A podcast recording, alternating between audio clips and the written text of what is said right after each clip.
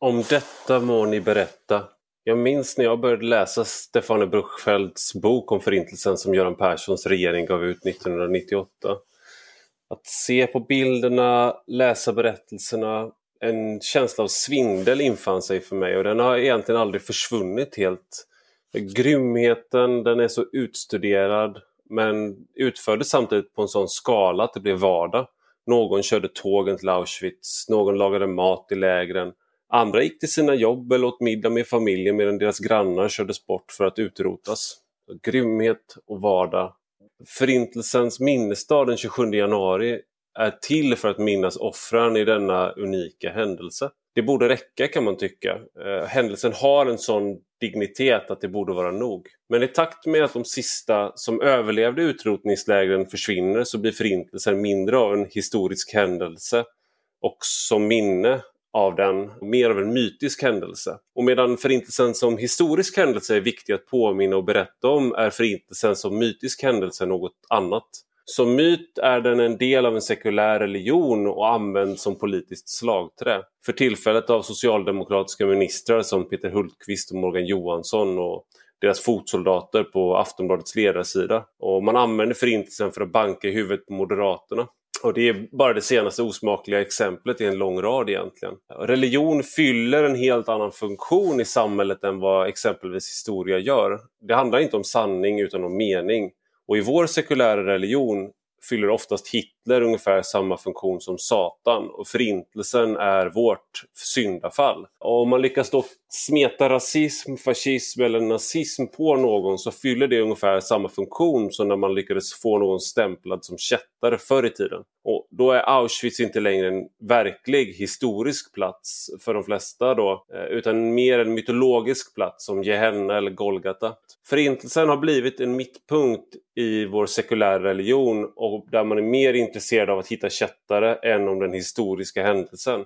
Så i takt med att förintelsen blir mer av en mytisk händelse som används i religiösa syften och mindre av en historisk händelse så devalveras också den faktiska händelsen och man blir paradoxalt nog mindre intresserad av den reellt existerande antisemitismen i Sverige idag och mer intresserad av hur man kan använda förintelsen att banka i huvudet på meningsmotståndare. Välkommen till Radio Bulletin. Jag heter Ivar Arpi.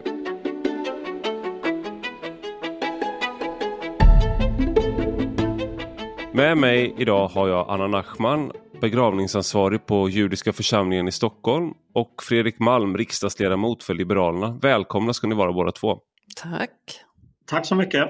De senaste veckorna har det uppstått en debatt om hur man använder minnet av förintelsen politiskt. Eh, bland annat så har Moderaternas partiledare Ulf Kristersson fått kritik för ett inlägg inför förintelsens minnesdag där han rekommenderade en bok om förintelsen. Och även myndigheten Forum för levande historia kritiseras för att de upplät då plats åt eh, moderatledaren med tanke på att han har ändrat sin hållning gentemot Sverigedemokraterna. Några andra saker som har dykt upp har ju varit att man, eh, Morgan Johansson på Twitter har eh, rekommenderat en eh, dokumentär om, om Hitler och hans maktövertagande. Och han har även skrivit väldigt mycket då om att Moderaterna gör ett historiskt misstag om man då samarbetar med Sverigedemokraterna för att ta regeringsmakten. Tanken är att det var det som skedde på 30-talet i Tyskland när Frans von Papen släppte fram Adolf Hitler till makten.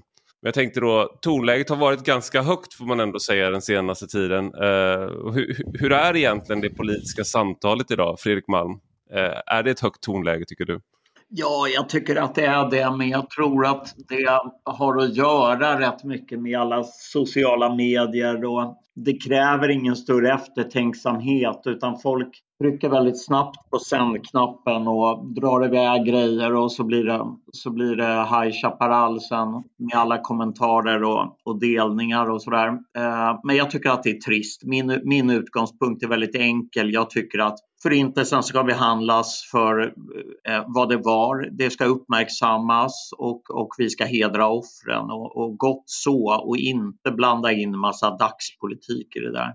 Man kan förstås diskutera vad man ska lära sig av det och så, men att använda de här tragedierna som någon sorts trampolin för att liksom tvåla till politiska motståndare i dagspolitiken. Jag tycker det är, Jag, jag, jag, tror att många, många av de som har fallit offer eller som är anhöriga, ättlingar och så vidare. Jag tror att de kan ta lite illa vid sig av det där också. Jag tänkte ditt eget, ditt eget parti fick ju en brasklapp från Centerkvinnorna i en artikel där ni uppmanas att hålla ut och hålla er kvar i januariavtalet.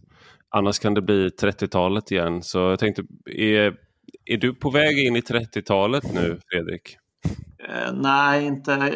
Ja, om nio år är vi väl inne i 2030-talet. Men, men inte... Så du bekräftar att du är på väg in i 30-talet? ja, alltså. ja, just det. Frågan är vilket 30-tal det var.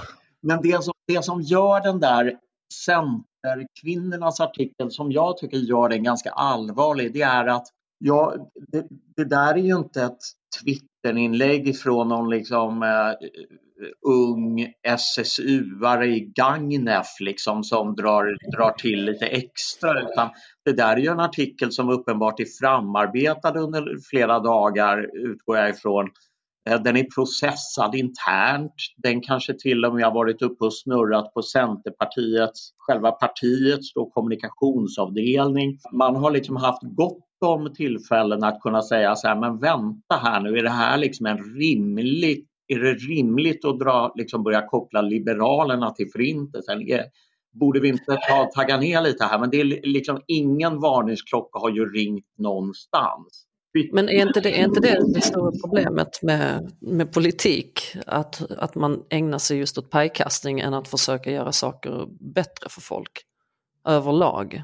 Ja, i alla fall eh, tycker jag på sociala medier är det mycket så. I debatten kan det vara så också. En del är ju mer grova än vad andra är så att säga. Men det är klart att politiken skulle nog tjäna på lite fler grovjobbare i vingården så att säga. Men de flesta politiker på, lo på lokal nivå ska jag säga är ju verkligen det. De sliter ju ja, kanske alla kvällar i veckan nästan med, med sina ärenden till nämnder och utskott och beredningar och fullmäktige mm. och allt vad det är. Men det, det faller liksom i, i, det trycks ut i periferin i debatten till förmån för de här symbolbråken och, och så vidare. Är man genuint oroliga hos Centerpartiet nu för att ni i Liberalerna kommer upprepa ett historiskt misstag och sen så är det liksom, kommer kommunalpolitiker då, grovjobbarna, de kommer fundera på hur man kan bygga fler gaskamrar snarare än fler simhallar så att säga. Är, vi, är det en genuin oro hos Centerpartiet här? Att ni nej, gör det? Nej, det är, klart, det är klart att det inte är utan det har att göra med att det har att göra med att de upplever att om Liberalerna skulle lämna januarisamarbetet eller budgetsamverkan då, då, ja, då kommer det i slutändan innebära att Centerpartiet måste sitta och förhandla med Nooshi Dadgostar och Vänsterpartiet i, i, i en allt tydligare vänsterkonstellation så att säga och det är ju de obekväma med. Så att egentligen handlar det om att de inte vill bli... Det här är liksom, måste vara det mest märkliga sättet man försöker då att inte bli av med sina liberala vänner. Att snälla, man kan säga snälla gå inte ur det här samarbetet, vi behöver er, det är vi som är liberaler tillsammans. Eller så kan man säga ni kommer göra er skyldiga till en ny förintelse. Det finns två olika vägar att gå där. Ja, det är uppenbart så att de liksom medvetet ville ha artikeln placerad i tidningen, alltså publicerad just på Förintelsens minnesdag. Det ska ju tilläggas också att ett antal centerpartister var ju rasande över den här artikeln också. Deras ungdomsbundsordförande tog ju kraftigt avstånd till exempel. Det här med att, den, att man väljer att publicera den den 27 januari, det är ju också ett, det är problematiskt kan jag tycka. Eh, därför att då kan jag känna att man faktiskt ja, utnyttjar judar helt enkelt. Det, det, var ju inte, det kan ju inte ha varit en slump. Nej, jag tänker Anna, du är ju begravningsansvarig på judiska församlingen i Stockholm. Mm. Och du har ju sedan pandemins, den här hemska pandemins start har du begravt minst en förintelseöverlevande per månad har du sagt. Så jag kan och... nog säga att det har jag nog gjort sedan jag, sedan jag började jobba här för fyra år sedan. Det, de, alltså, förra våren då när, när pandemin kickade igång, då var, det, då var det betydligt fler, då var det ju flera i veckan. Ja. Eh, men, men innan dess så var det, alltså det, har, det är ganska stadigt, minst, minst en i månaden. Men det betyder egentligen bara att folk blir äldre och nu håller de på att gå ur tiden. Och då tänker jag, jag, inte, jag tänker vad du vad tänker du? För jag tänker de sista vittnena försvinner nu snart mm. då. Och då är, tror du att det hänger ihop med att förintelsen använt, att man reducerar det till ett slagträ? Det då? tror jag. Jag tror så här att så länge, så länge det finns människor som, som faktiskt har varit där, då passar sig folk som är, som är utanför att uh, säga lite vad som helst. Men visst, när, när den sista överlevande försvinner, då, då kommer det att vara fritt fram om, inte vi andra som finns runt omkring säger stopp. Jag skulle vilja höra vad du tänker om det att judar är så att säga judar i Sverige och judar överlag är ganska frånvarande just nu från förintelsediskussionen som pågår. Alltså jag, är, jag. jag är faktiskt jag är väldigt dubbel där, för jag tycker inte att förintelsen har med judar att göra överhuvudtaget. Förintelsen är inte, den är inte vår, det är de andras. Det var, de, det var, inte, det var inte judar som fixade förintelsen. Nej. Eh, så på ett sätt kan jag känna att hela det här att, att komma ihåg förintelsen, alltså att andra människor kommer ihåg förintelsen och, och drar in judar, det känns, det känns väldigt dubbelt. Eh, Hur då? Nej, men jag tycker att judendom är ju inte förintelsen. Judendomen är liksom judisk filosofi, judisk kultur, litteratur, judiska traditioner, eh, judiskt liv. Eh, det minsta som judendomen är, det är förintelsen. Det är ju bara en megapogrom bland andra pogromer, bland eh, förföljelser som, som alltid har funnits mer eller mindre. Förintelsen är helt, egentligen helt ointressant för judar. Och tyvärr så, så blir det ju så att eftersom det är en så pass ska man säga, läskig, läskig händelse och fruktansvärd händelse på alla sätt och någonting som är historiskt, total historisk avart så, så blir det så att alltså som jude blir man bara intressant i, kopplad till förintelsen. Jag tycker att det, man, man missar hela, hela idén med att vara jude om man liksom fastnar i förintelsen. En, en vän sa att det finaste juden det är den som har dött i förintelsen och det näst finaste det är den som har överlevt förintelsen och sen är de andra inte riktigt vatten värda. Jag, jag, får ju, jag blir väldigt konfunderad när jag ser människor som till exempel öppet är emot Britt Millar omskärelse. Sitta och, och diskutera förintelsen på förintelsens minnesdag och prata om antisemitism och säga att det är jätteviktigt att, att motverka den och samtidigt motverka de själva judiskt liv. Hur, kan, du, kan du resonera lite kring vilk, vilka är det du pratar om? Jag pratar om, om, jag pratar om specifikt, men, men humanisterna till exempel. Ja. Ja. Eller Centerpartiet. Eller Centerpartiet för den delen, absolut. Eh, nej, det, för mig blir det jättemärkligt att, eh, jag menar jag säger inte att alla måste vara för omskärelse, man kan vara mot omskärelse men för omskärelse hos judar därför att det är en så pass viktig sak. Mm. Men man kan inte vara mot omskärelse och så pass liksom, ja, vad ska man säga, till 100% mot omskärelse samtidigt som man, som man säger sig värna om judiskt liv. Men det är väl det här jag skulle vilja höra din reflektion om också, just att man antisemitismen historiskt är man intresserad av. Eh, alltså hur antisemitismen i Europa inom kristendomen ledde fram till eh, nazisterna använde den eller, och, och, tog den till nästa nivå och sen ledde det fram till förintelsen och det är liksom den historiska händelsen då. Och det var det som hände och det handlar om vilka som dog och vilka det var som var förövarna och vad är liksom vad kan vi lära av den faktiska händelsen där. Men då i takt med att de sista överlevarna försvinner så blir det mer och mer av en mytisk händelse som vi använder så att säga som en intern diskussion där de faktiskt existerande judarna och det faktiskt existerande judiska livet och judiska kulturen det blir inte särskilt viktigt. Och inte Nej, helt ointressant.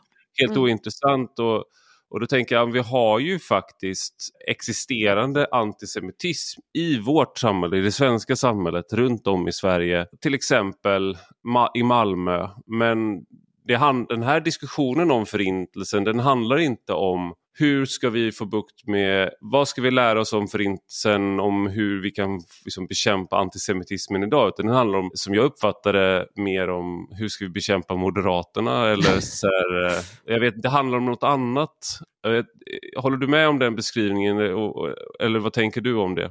Nej, jag håller, håller nog med. Alltså det, som sagt, det, det är både och. Man tappar, tappar liksom den judiska delen samtidigt som jag tycker att andra människor kan få diskutera förintelsen bäst de vill. Eh, så kan judar eh, gå och vara judar istället. Så det, på ett sätt så, så tänker jag att ja, liksom, bråka på. Kasta paj och hitta billiga poänger att göra men eh, det handlar inte riktigt om judar. Och, och, samtidigt så kan jag tycka att sluta, sluta göra billiga poänger och sluta kasta paj för det är helt, det är liksom helt ointressant på alla sätt. Det leder ingen vart. Det, det, jag tror inte att det kommer att bli, alltså, det är väl ett, ett, bra, ett bra varmt samhällsklimat vi vill ha. Och då kan vi inte, alltså sen kan vi säga att vi försöker motverka antisemitism, men genom att vara taskiga mot varandra så motverkar vi väl ingenting. Det är inte det där varma klimatet vi får i alla fall. Nej, jag, jag tänkte, ja, Fredrik.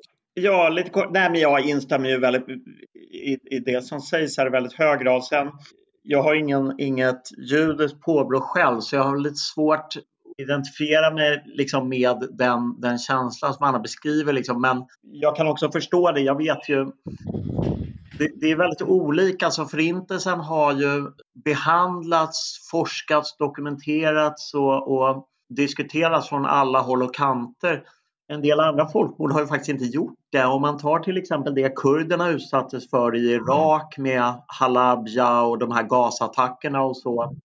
Det, det politiserades också liksom på ett sätt för att till exempel motivera Irakkriget. Man använder det för att visa på Saddam Husseins ondska och så vidare, vilket i och för sig är korrekt. Men man har aldrig riktigt sett den kurdiska tragedin utifrån så att säga de kurdiska offrens, liksom, man har inte satt offren i fokus på samma sätt. Och jag upplever även det med till exempel det armeniska folkmordet att där har liksom forskningen väldigt mycket handlat om bevekelsegrunderna från så att säga, förövarna. Man, man ser förintelsen också mycket från offrens, offrens perspektiv och det är möjligt att det också kan slå över så att en del judar kan uppfatta det lite som Anna, Anna beskriver. Men jag, jag vill bara säga det också att för ett antal år sedan så hade vi en ärkebiskop, KG Hammar. Han vägrade ju att delta på Förintelsens minnesdag för han var så sur på Israel. Så att mm. det, lite, det, är lite sådär, det är lite vad som är på modet att liksom knyta Förintelsen till. Liksom. Mm. Uh, och även, jag ser nu, för att bredda det där lite mot liksom nazismen i vid mening, så har ju Sverigedemokraterna använder också det där politiskt. De hävdar ju mer eller mindre att Socialdemokraterna var ett systerparti till NSDAP på 30-talet i den där filmen de publicerade förut. Vilket är att betrakta som historierevisionism skulle jag säga. Och nu går det någon sorts spinn att nazismen var liksom en vänsterkraft, vilket inte mm. heller är riktigt korrekt om man uttrycker det milt. Och sådär. Så att jag, jag, tror att det, det, är någonting med liksom hela nazismen, att det var så formativt för Europa som gör att det alltid är ett så laddat ämne och, och alltid på olika sätt, varenda diskussion förr eller senare kommer ju in på det där känns det som. Men jag... Ja, alla diskussioner urartar ju till Hitler. Alltså jag har ja. själv varit kallad eh, Hitler och nazist så, så mycket att det blir för mig, alltså det har ju antagit en så här löjeväckande dimension. Inte den faktiskt existerande nazismen och nynazismen men just anklagelsen om att du är det. Men är det, inte så, är det inte en sån tid också att man hela tiden söker de här avfällningarna överlag? Dag ut och dag in ska man hitta den som är ond. Mm. Det är också väldigt tröttsamt. Alltså, om vi då går tillbaka till det Fredrik sa, att, att man, tänk om man bara kunde höja de här historierna, påminna varandra om att de här folkmorden har skett och så vidare. Och inte hela tiden dra paralleller, inte hela tiden försöka hitta den som är ond idag som skulle kunna ikläda sig den här bovens dräkt. Bara helt enkelt säga det här har funnits, det här ska vi komma ihåg, ha en tyst minut, gå vidare till nästa. Bara påminna oss om att vi ska inte, vara, vi ska inte hamna där, där vi gång på gång har hamnat genom historien och sen är det bra med det. någonting som är svårt vad gäller alla sådana här historiska händelser men som jag tror personligen är viktigt att man både ska ikläda sig alltså rollen som förövare och offer samtidigt och att man kan använda, vi vet historien är inte fastlagd framåt så att säga. Vi vet inte hur, vad som kommer ske framöver och därför så är, kan man använda till exempel Förintelsens minnesdag också för att ta in att vanliga människor fanns på båda sidor så att säga och du vet inte det är alltid lätt att identifiera sig med den vinnande sidan och med de goda historiskt sett. Men i realiteten så vet man inte vilken sida av historien man är på. Att man kan faktiskt använda historien för att känna en viss ödmjukhet inför den tragedin och att ta kurderna till exempel och armeniska folkmordet. Kurderna har både varit offer och alltså befunnit sig på båda sidorna av att vara offer och förövare. Att de var förövare i det armeniska folkmordet och sen har de varit offer i andra, i andra sammanhang. Och det finns massa exempel på det att man inte är så bombsäker på att man alltid har historien på sin sida. att det kan, historien upprepas inte exakt som vi vill att den ska göra. Nej, men jag, jag, tycker att det ligger mycket i det. Det är väl också så, tror jag, att när det är, om vi tar just Förintelsens minnesdag. Jag kan berätta lite hur det går till när det ordnas i, i riksdagen, för det där är ju en officiell helgdag, eller inte helgdag, förlåt, men en officiell minnesdag proklamerad av Förenta Nationerna, så den står ju med i vår almanacka och så. Mm. Och då ordnar ju riksdagen alltid någonting och varje år eh, de senaste, inte vet jag, tio åren så är det Kristdemokraternas riksdagsledamot Mikael Oscarsson som ordnar det där och han gör det där helt fenomenalt och han är superengagerad i detta och det är talmannen och det är någon överlevare och det brukar vara något litet anförande och så vidare. Och jag, jag, jag, tycker alltid att de arrangemangen känns väldigt, väldigt liksom värdiga i, i hur de arrangeras och så. Och det, jag tycker det är liksom ett bra exempel på hur man kan göra det där på ett bra sätt. Och jag tycker att det man ska göra nu, du beskrev det där Anna, att, eh, mm. att, att överlevare, att du begraver överlevare, de, är, de få som är kvar är väldigt gamla och så. Och det gör ju att det finns, här finns ju ett, liksom, ett, ett väldigt viktigt uppdrag tycker jag att föra de här kunskaperna vidare. Mm. Att liksom skolor ordnar temadagar, bjuder in dem, diskuterar de här frågorna. För att det är också någonting tror jag som i det längre perspektivet och i det kortare också för den delen kan hantera en annan problematik delvis som Ivar tog upp, nämligen det med, eh, jag, jag tror du nämnde det tidigare med eh, till exempel och problematiken med att vi har en stor grupp nyanlända som har växt upp i samhällen i till exempel Mellanöstern där du har en statlig antisemitism och, eh, en väldigt omfattande konspirations, eh, så att säga, tradition kring både det judiska och Israel och förintelsen och mycket förnekande och sånt där. Så att man måste liksom nå ut till den där unga generationen mm. personer med rötter i de länderna också. Och det, det tror jag skolan liksom har en viktig roll att fylla. Jag tycker liksom det är det man ska använda den här dagen till och inte hålla på och lägga upp massa insinuerande boktips på Twitter om man är statsråd. Det här förintelsemuseet som man nu ska bygga. Hur, hur tänker du Fredrik? För den diskussionen är ju då också så att ska det läggas i Malmö just av det här skälet som Men du är inne på nu? i Stockholm va? Ja, jag tror de har bestämt att det ska vara i Stockholm. Ja, Borde jag, är väldigt, jag är väldigt positiv till att man inrättar det och skälet till det är att det finns en massa dokumentation som de här överlevarna till exempel som dör nu lämnar efter sig. Och det där måste på något sätt tas tillvara och samlas på ett ställe och så. Eh, så att jag, jag, jag, är, är, är, eh, jag tycker att det är bra att Sverige inrättar ett sånt. Eh, Dessutom så kan jag säga att det, det finns ju en, vad ska vi säga, en svensk svensk förintelsehistoria med alla som kom och så vidare. Jag är involverad i ett projekt som, som församlingen har som, eh, som handlar om de här kvinnorna, oftast kvinnorna, unga tjejerna som kom eh, till Sverige och dog väldigt kort därefter. Som är begravda mm, bland annat på några judiska i Solna men även, även i Karlstad, även i Göteborg, även i Kalmar tror jag så finns det i Lärbro finns, finns det på, på kyrkogården eller på de judiska begravningsplatserna folk som, som kom och som, som hade överlevt förintelsen och som dog. Och det här var ju väldigt unga människor ofta. Och jag tror att för att, kunna, för att kunna få folk som kanske kommer med ett bagage hemifrån eller från sina tidigare hemländer eh, där, man, där man rakt av tycker att judar är ingenting att ha. Eh, att få dem att förstå att det kunde ha varit jag, tror jag är liksom ett sätt att, att nå dem.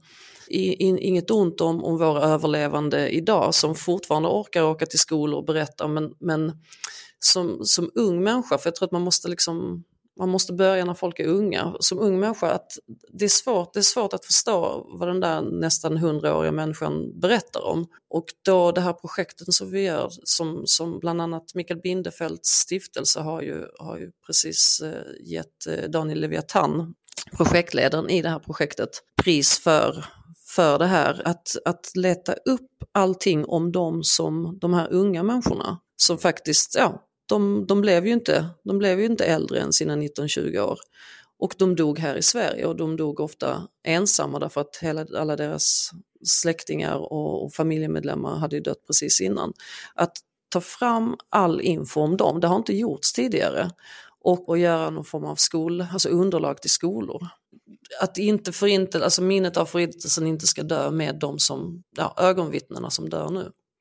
Det här är ju någonting som man möter när man träffar nyanlända. Jag jobbade med en irakisk kille när jag jobbade som stä nattstädare i Danmark under ett tag när jag pluggade där. Och han hade bott i Danmark ett par år och vi var, han blev ju rasistiskt bemött av danskarna. De kallade honom för den lilla terroristen och, och sådär. Och vi, det var inte en jättetrevlig arbetsmiljö men vi kom bra överens. Men han hade ju inte så att säga den här historien av att tänka på förintelsen eller tänka på antisemitism som någonting negativt. Så han började prata med mig om, eftersom vi blev kompisar, så han började prata med mig om att han eh, om jag träffar en jude så ska jag så slå ihjäl honom. Och, och vad sa du då? Nej, men då, då sa jag för honom, han hade ju aldrig träffat en jude. Nej. Han, han var uppvuxen i, i liksom en förort till Bagdad. Han hade aldrig träffat en jude, för, för honom var en jude nästan som en, ja, men som en mytisk gestalt mm. som Israel, USA, alltså en kraft i världen snarare än en faktiskt existerande människa. Så jag sa, en av mina bästa kompisar gjorde, säger du det där en gång till så får du en smäll på käften. Han blev helt ställd för han tyckte att jag var trevlig. Fram tills dess då. Mm. Men vi fortsatte, det var ju första gången han konfronterades med att det fanns faktiska levande judar som var människors vänner som fanns runt omkring honom. Och jag säger inte att det där är så man ska hantera antisemitism genom att hota folk med stryk. Det var en spontan reaktion men, från mig. Mm, men, men, men, för honom var det där i alla fall ett uppvaknande att om du pratar om, en, det här är människor som finns här och nu. Vet du om han någonsin fick träffa en riktig jude då? För det hade ju Nej. varit det bästa kan jag känna någonstans. Du skulle tagit med honom på en fika tillsammans med din kompis. Det jag tror är det bästa, det är ju såklart att, att träffa någon, en riktig person. Och jag vet, jag, hade, jag gjorde en begravning förra veckan, det var en man som eh, han dog relativt ung i corona. Eh, och eh, han, hade, han hade gömt flyktingar i många år. Och då, och då var det precis det här att många människor kom ju till Sverige, blev gömda, insåg att det var en judisk man som gömde dem. Och fick göra om liksom allt, allt de hade med sig och fick se på judar på ett helt annat sätt. Och de, det kom ju hur mycket vänner som helst till honom till den här begravningen som aldrig hade liksom satt, sin, satt sin fot på en judisk begravningsplats men som gjorde det med, med stor glädje. Och det var ju bara för att, det var inte för att, alltså det var såklart för att han, för att han gömde dem men, men bara för att han var jude så, så fick de faktiskt tänka om lite. Mm. Det är, ju, det är ju inte för att bli biblisk men det är ju hela, de flesta som hör historien om den barmhärtige samariten känner inte till att samariter var väldigt illa ansedda under när det, när det skrevs. Så att det var väldigt, det gick emot fördomen så att säga. Så att det här var den barmhärtige juden då i, mm. för en antisem, ja, antisemiter träffade. Här, när det gäller just Mellanöstern och antisemitismen så den är också rätt kopplad till den israelisk-arabiska konflikten. Ehm, och på det sättet kan man ju se att, att ja, om vi tar till exempel, bara för att komplicera den aning, Sverige har ju en ganska stor grupp eh, iranier till exempel. De har ju flytt den här islamistiska regimen i, i Iran. De eh, behöv, så att säga vänder sig ju mot regimen och eh, i väldigt hög grad mot den här typen av, av konspirationer. Vi har rätt många kurder i Sverige som alltid befunnit sig i konflikt mot liksom, arabisk eh, nationalism som har försökt att eh, assimilera eller på olika sätt för, förfölja kurderna. De kan ju ha nästan en, en totalt motsatt uppfattning att allt Israel gör är fantastiskt så att säga. Eh, eh, så, att det, det, det, handlar väldigt mycket om så här, vem, från vilka miljöer och vilken grundidentitet på något sätt människor har. Och det där är ganska intressant tycker jag nu därför att nu sluter ju Israel fred med en rad arabländer och saker börjar förändras i Mellanöstern. Så att möjligen... Jo, och plötsligt så blir ju, och plötsligt blir de här människorna judarnas bästa vänner, öppnar kosherkrogar för att det ska komma liksom, judisk turism och så vidare. Det går ju väldigt, väldigt fort. Någonstans visar det ju på vilken makt politiken har. Politik har en jättemakt. Säger politiker att ja, men det här är vänner, ja men då tycker folk att ja, men visst, då är det våra vänner. Och säger man tvärtom så, ja, så, så lyssnar folk. Tyvärr så är politik så pass viktigt. Hur upplever du Anna, får jag fråga dig bara, mm. nu är inte jag programledare men bara hur, hur, hur liksom är det med själva förnekandet av förintelsen? uppfattar du att det liksom har minskat eller växer liksom, den typen av villfarelser? Det är svårt för mig att säga därför att jag måste säga att eh, särskilt som, som boende i, mitt, i, mitt i Stockholm, mitt i stan, man lever i en bubbla väldigt mycket. Mina barn går på judiska dagiset och judiska skolan. Vi umgås egentligen mest med, med judar. Eh, jag har ingen aning. Jag, tror att, jag vet att många som, som kommer ut i förortsskolor och så vidare kommer ju tillbaka med du vet, de gapar för att de inser att oj, det finns folk som faktiskt tror att det här inte har funnits. Så jag är verkligen fel människa att fråga. Jag, jag bara lallar på i min bubbla och har det väldigt bra. Jag tänker en, en sak som jag undrar över är, är för när man träffar, pratar med nazister eh, så att säga på Twitter, vilket är att de pratar med mig ibland i alla fall. De är väldigt besvikna på, på mig då och då för att jag inte... Eh, jag, en gång är du inte nazist? Nej, jag är inte det. det. Men ibland så är det som att vissa nazister har liksom köpt vänsterns försök att smeta bara, han kanske är en kompis. Och så gör man inte det. Och då skrev, jag kommer ihåg jag skrev någon tweet om att vi judarna, judar i Sverige de funderar ibland på om att de ska flytta till Israel när antisemitismen växer. Mm. Mm. Och så skrev jag, vi har inget Israel så det är dags att liksom ta itu med problemen här. Något sånt skrev jag. Mm. Uh, och då skrev Israels ambassadör till mig, tack Ivar för att du är en sån vän till eh, Israel och det judiska folket. Mm. Och samtidigt så citerade då nazister den tweeten och sa Ivar börjar inse judefrågan. och då har jag aldrig känt mig mer av ett Rorschach-test eh, men men en, en sak som jag undrar över är, är, förnekar man förintelsen eller vill man göra om förintelsen? Och det, för det borde ju, alltså, å ena sidan om man, om man är nazist då, eller antisemit så ska man antingen förneka förintelsen eller så kan man vilja göra förintelsen? Ja, för jag förstår inte vilken, hur, hur, är man mest det finns, väl en, det finns en tredje variant, väl, det är att judar själva har orsakat förintelsen, alltså både aktivt och passivt genom att, genom att vara liksom äckliga och dumma i huvudet. Eh, så att jag vet att det finns liksom tre spår och alla är lika knäppa. I det här, i det, jag tänker att det är det här man bråkar om på nazistmiddagar. Förmodligen. Alltså, man har olika, här, hur, du är ingen riktig nazist, du tror på förintelsen eh, och du är ingen riktig nazist som inte vill göra förintelsen. Men eh, en sista fråga här då eh, innan jag släpper iväg er. Det, om man då ska ta så att säga den historiska lärdomen av förintelsen på allvar och nu har det varit den här händelsen med Kapitolium där de här knäppjökar blandat med reellt liksom farliga högerextremister stormar i kongressen i USA. Vi har högerpopulism i Europa. Hur, hur rädda ska vi ändå vara då för att det vi är på väg att göra om historiska misstag här och nu?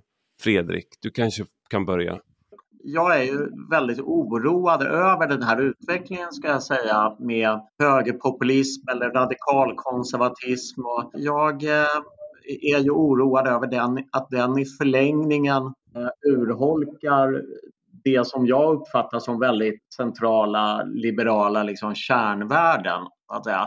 Och jag tycker inte heller, man ska inte på något sätt förneka liksom, Sverigedemokraternas ursprung och arv och att de hela tiden tvingas att slänga ut en massa människor för att de är, har någon koppling till nazism eller har stått med armbindlar på någon fest eller något sånt där. Va? Men sedan är det ju en annan fråga hur man bäst i så fall främjar en liberal utveckling. Och det, för mig är det ju viktigt att man också driver de politiska frågor man vill driva och inte bara bygger politiken på att försöka blockera, eh, blockera för andra utan att man faktiskt driver, försöker få igenom sin politik. Så att det där, liksom, hur, vad det får för parlamentariska konsekvenser är ju det är en fråga också som diskuteras internt i vårt parti som ni är väl medvetna om.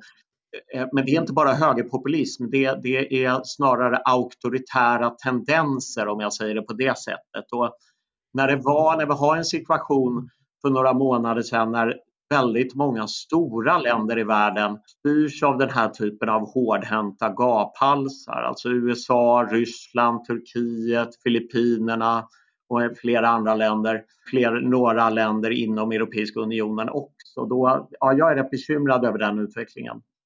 Anna, jag tänker från ett judiskt perspektiv.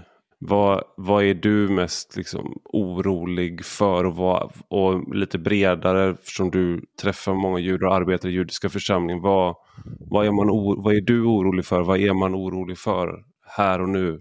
Alltså jag kan ju säga någonstans att jag är lite glad och jag tror många med mig är lite glada att eh, ska säga, att klimatet har förändrats. Folk förstår att, eh, att antisemitism är inte bara nazister.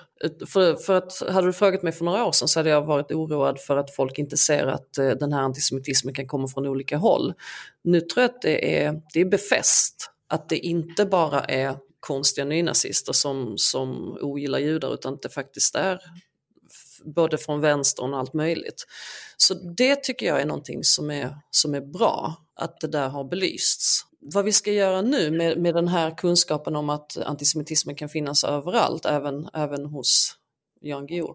Ja, men det, det, liksom, ja, det, det, vet jag inte, men det, vi måste ju börja där i alla fall att bekräfta. Med Jan Guillou. Med Jan Guillou. Nu är inte Jan Guillou här, nej, nu är inte Jan Guillou här och, och kan, kan försvara sig. Förlåt, men han, han, har mycket han ska försvara sig emot så det här är bara... Det bara eh, början. Eh, nej, ja, men, nej, men, nej, men det är, väl, det är väl bra att man kan se att antisemitismen är väldigt komplex. Att den kan komma både från vänster och höger och lite överallt ifrån.